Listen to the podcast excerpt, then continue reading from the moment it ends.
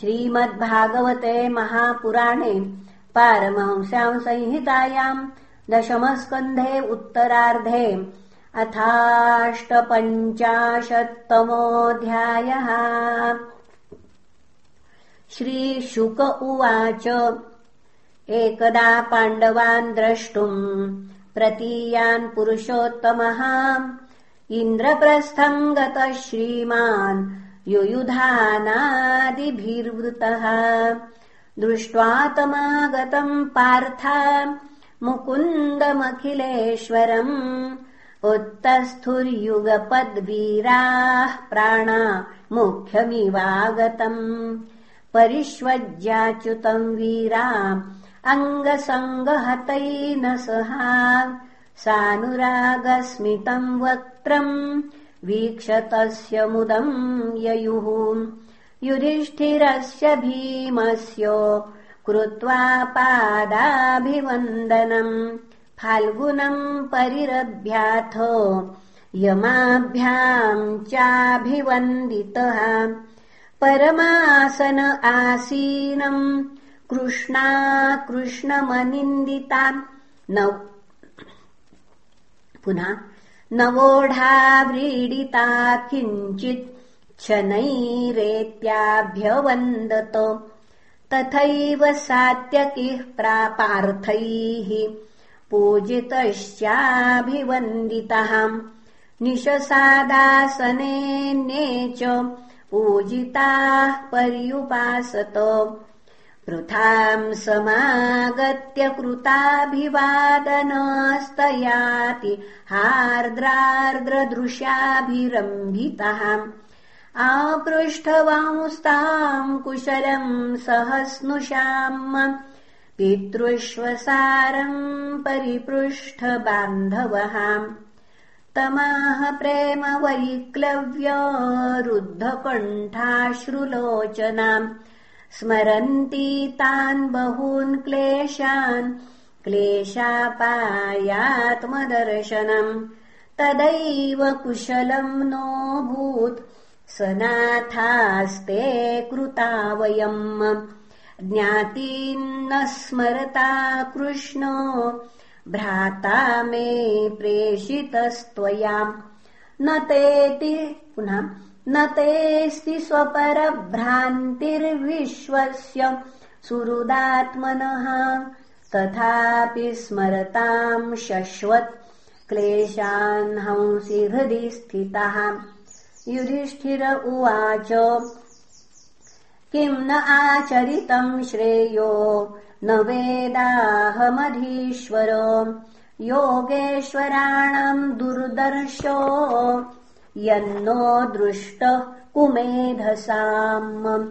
इति वै वार्षिकान् मासान् राज्ञासोऽभ्यर्थितः सुखम्। जनयन्नयनानन्द मिन्द्रप्रस्थौकसामि विभुः।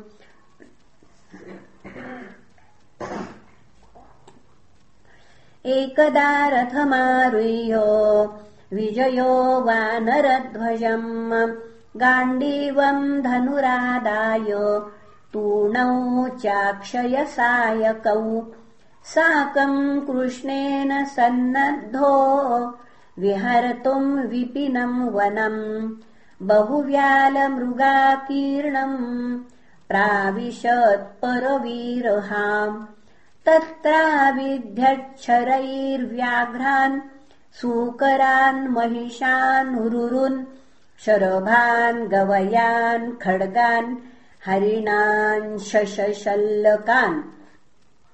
तान्निन्युः किङ्कराराज्ञे मेध्यान् पर्वण्युपागते त्रुट्परीतः परिश्रान्तो बिभत्सुरीर्यमुनामगात् तत्रोपस्पृश्य विशदम् पीत्वा वारिमहारथौ। कृष्णौ ददृशतुः कन्याम्। चरन्तीम् चारुदर्शनाम्। तामासाद्यवरारोहाम्। सुद्विजाम् रुचिराननाम्। पप्रच्छ प्रेषितः सख्याम्। फाल्गुनः प्रमदोत्तमाम् का त्वम् कस्यासि शुश्रोणि? कुतोऽसि? किम् चिकीर्षसि? मन्ये त्वाम् पतिमिच्छन्तिम् सर्वम् कथय शोभने कालिन्द्युवाच अहम् देवस्य सवितुर्दुहिता पतिमिच्छति।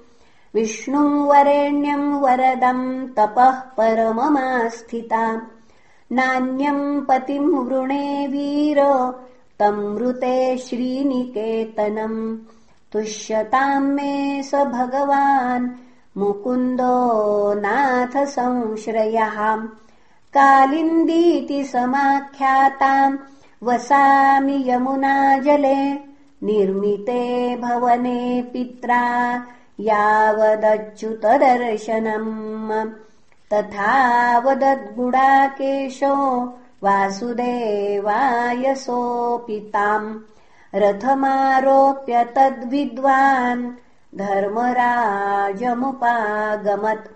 यदैव कृष्णः सन्दिष्ट पार्थानाम् परमाद्भुतम्। कारयामास नगरम् विचित्रम् विश्वकर्मणा भगवांस्तत्र निवसन्।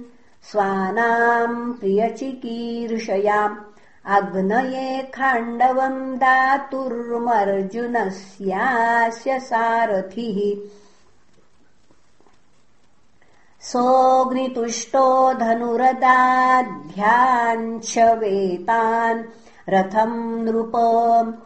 अर्जुनायाक्षयौ तूणौ वर्म चाभेद्यमस्त्रिभिः मयश्च मोचितो वह्ने सभाम् सख्य उपाहरत्। यस्मिन् दुर्योधनस्यासि जलस्थलदृशि भ्रमः। स तेन समनुज्ञात सुहृद्भिश्चानुमोदितः। आययो द्वारकाम् भूय सात्यकीः प्रमुखैर्वृतः। अथोपये मे कालिन्दीम् सपुण्यत् वृक्ष ऊर्जिते। वितन्वन् परमानन्दम् स्वानाम् परममङ्गलम्। विन्दानुविन्दा वावन्त्यौ दुर्योधनवशानुगौ स्वयंवरे स्वभगिनीम् कृष्णे सक्ताम् न्यषेधताम् राजाधिदेव्यास्तनयाम् मित्रविन्दाम् पितृष्वसुः। प्रसह्य हृतवान् कृष्णो राजन् राज्ञाम् प्रपश्यताम्। नग्नजिन्नाम कौसल्यो आसीत् राजातिधार्मिकः तस्य सत्याभवत् कन्याम् देवी नाग्नजिती नृप नताम् शेकुर्नृपाम् वोढुमजित्वा सप्त गोवृषान् तीक्ष्णशृङ्गान् सुदुर्दर्शान्। वीरगन्धासहान् खलान्। ताम् श्रुत्वा वृषजिल्लभ्याम् भगवान् सात्वताम् पतिः। जगामकौसल्यपुरम् ससैन्यम् महतावृतः। स कोसलपतिः प्रीत प्रत्युत्थानासनादिभिः। अर्हणेनापि गुरुणाम् पूजयन् प्रतिनन्दितः। वरम् विलोक्याभिमतम् समागतम् नरेन्द्रकन्या च कमेरमापतिम्। भूयादयम् मे पतिराशिशोमराः। करोतु सत्या यदि मे धृतो व्रतैः। यत्पादपङ्कजरजः शिरसा बिभर्ति। श्रीरब्जजः स गिरिशः सह लोकपालैः लीलातनु स्वकृतसेतुपरीप्स एष काले दधत्स भगवान् मम केन तुष्येत। अर्चितम् पुनरित्याहो नारायण जगत्पते। आत्मानन्देन पूर्णस्य करवाणि किमल्पकः। श्रीशुक उवाच तमाह भगवान् हृष्टः कृतासनपरिग्रहः। मेघगम्भीरया वाचा सस्मितम् कुरु नन्दन। श्रीभगवानुवाच नरेन्द्रयाञ्चा कविभिर्विगर्हिता राजन्यबन्धोर्निजधर्मवर्तिनः तथापि याचे तव सौहृदेच्छया कन्याम् त्वदीयाम् न हि शुक्लदा वयम् राजोवाच कोऽन्यस्तेभ्यधिको नाथ कन्यावर इहेप्सितः। गुणैकधाम्नो यस्याङ्गे श्रीवः सत्यनपायिनीम् किम् त्वस्माभिः कृतः पूर्वम् समयः सात्वतर्षभ पुंसाम् वीर्यपरीक्षार्थम् कन्यावरपरीप्सया सप्तैते गोवृषावीर दुर्दान्ता दुरवग्रहाः। एतैर्भग्ना सुबहवो भिन्नगात्रा नृपात्मजाः यदि मे निगृहीतास्युस्त्वयैव यदुनन्दन वरो भवानभिमतो दुहितुर्मे श्रियः पते। एवम् समयमाकर्ण्य बद्ध्वा परिकरम् प्रभुः। आत्मानम् सप्तधा कृत्वा न्यगृह्णान् लीलयैव तान् बद्ध्वा तान् दामभिः शौरीर्भग्नदर्पान् हतौ जसः व्यकर्षल्लीलया बद्धान् बालो दारुमयान् यथा ततः प्रीतः सुताम् राजा ददौ कृष्णाय विस्मितः ताम् प्रत्यगृह्णात् भगवान् विधिवत्सदृशीम् प्रभुः। राजपत्न्यश्च दुहितुः कृष्णम् लब्ध्वा प्रियम् पतिम्। लेभिरे परमानन्दम् जातश्च परमोत्सवः। शङ्खभेर्यानकाने दुर्गीत वाद्याद्विजाशिषः नरा नार्यः प्रमुदिताः सुवासस्रगलङ्कृताः दशधेनुसहस्राणि पारिबर्हमदात् विभुः युवतीनाम् त्रिसाहस्रम् निष्कग्रीवसुवाससाम् नवनागसहस्राणि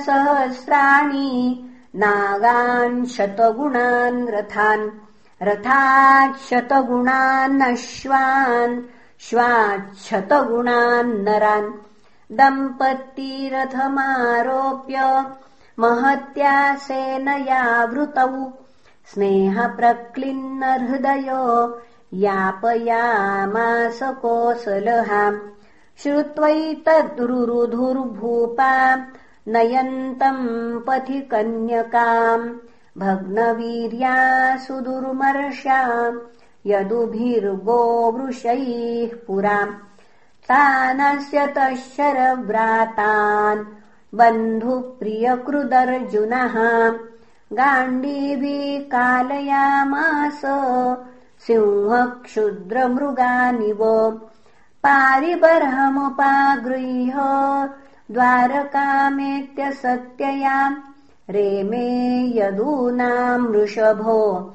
भगवान् देवकीसुतः श्रुतकीर्ते सुताम् भद्रामुपयेमे पितृष्वसुः। कैकेयीम् भ्रातृभिर्दत्ताम् कृष्णः सन्तर्दनादिभिः सुताम् च मद्राधिपते लक्ष्मणाम् लक्षणैर्युताम् स्वयंवरे जहारैकः स सुपर्णः सुधामिव।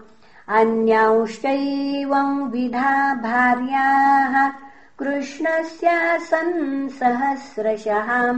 भौमम् हत्वा तन्निरोधा दारुताश्चारुदर्शना।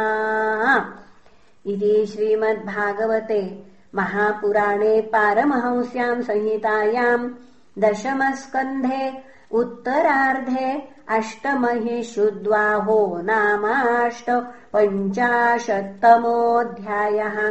श्रीकृष्णार्पणमस्तु। हरये नमः हरये नमः हरये नमः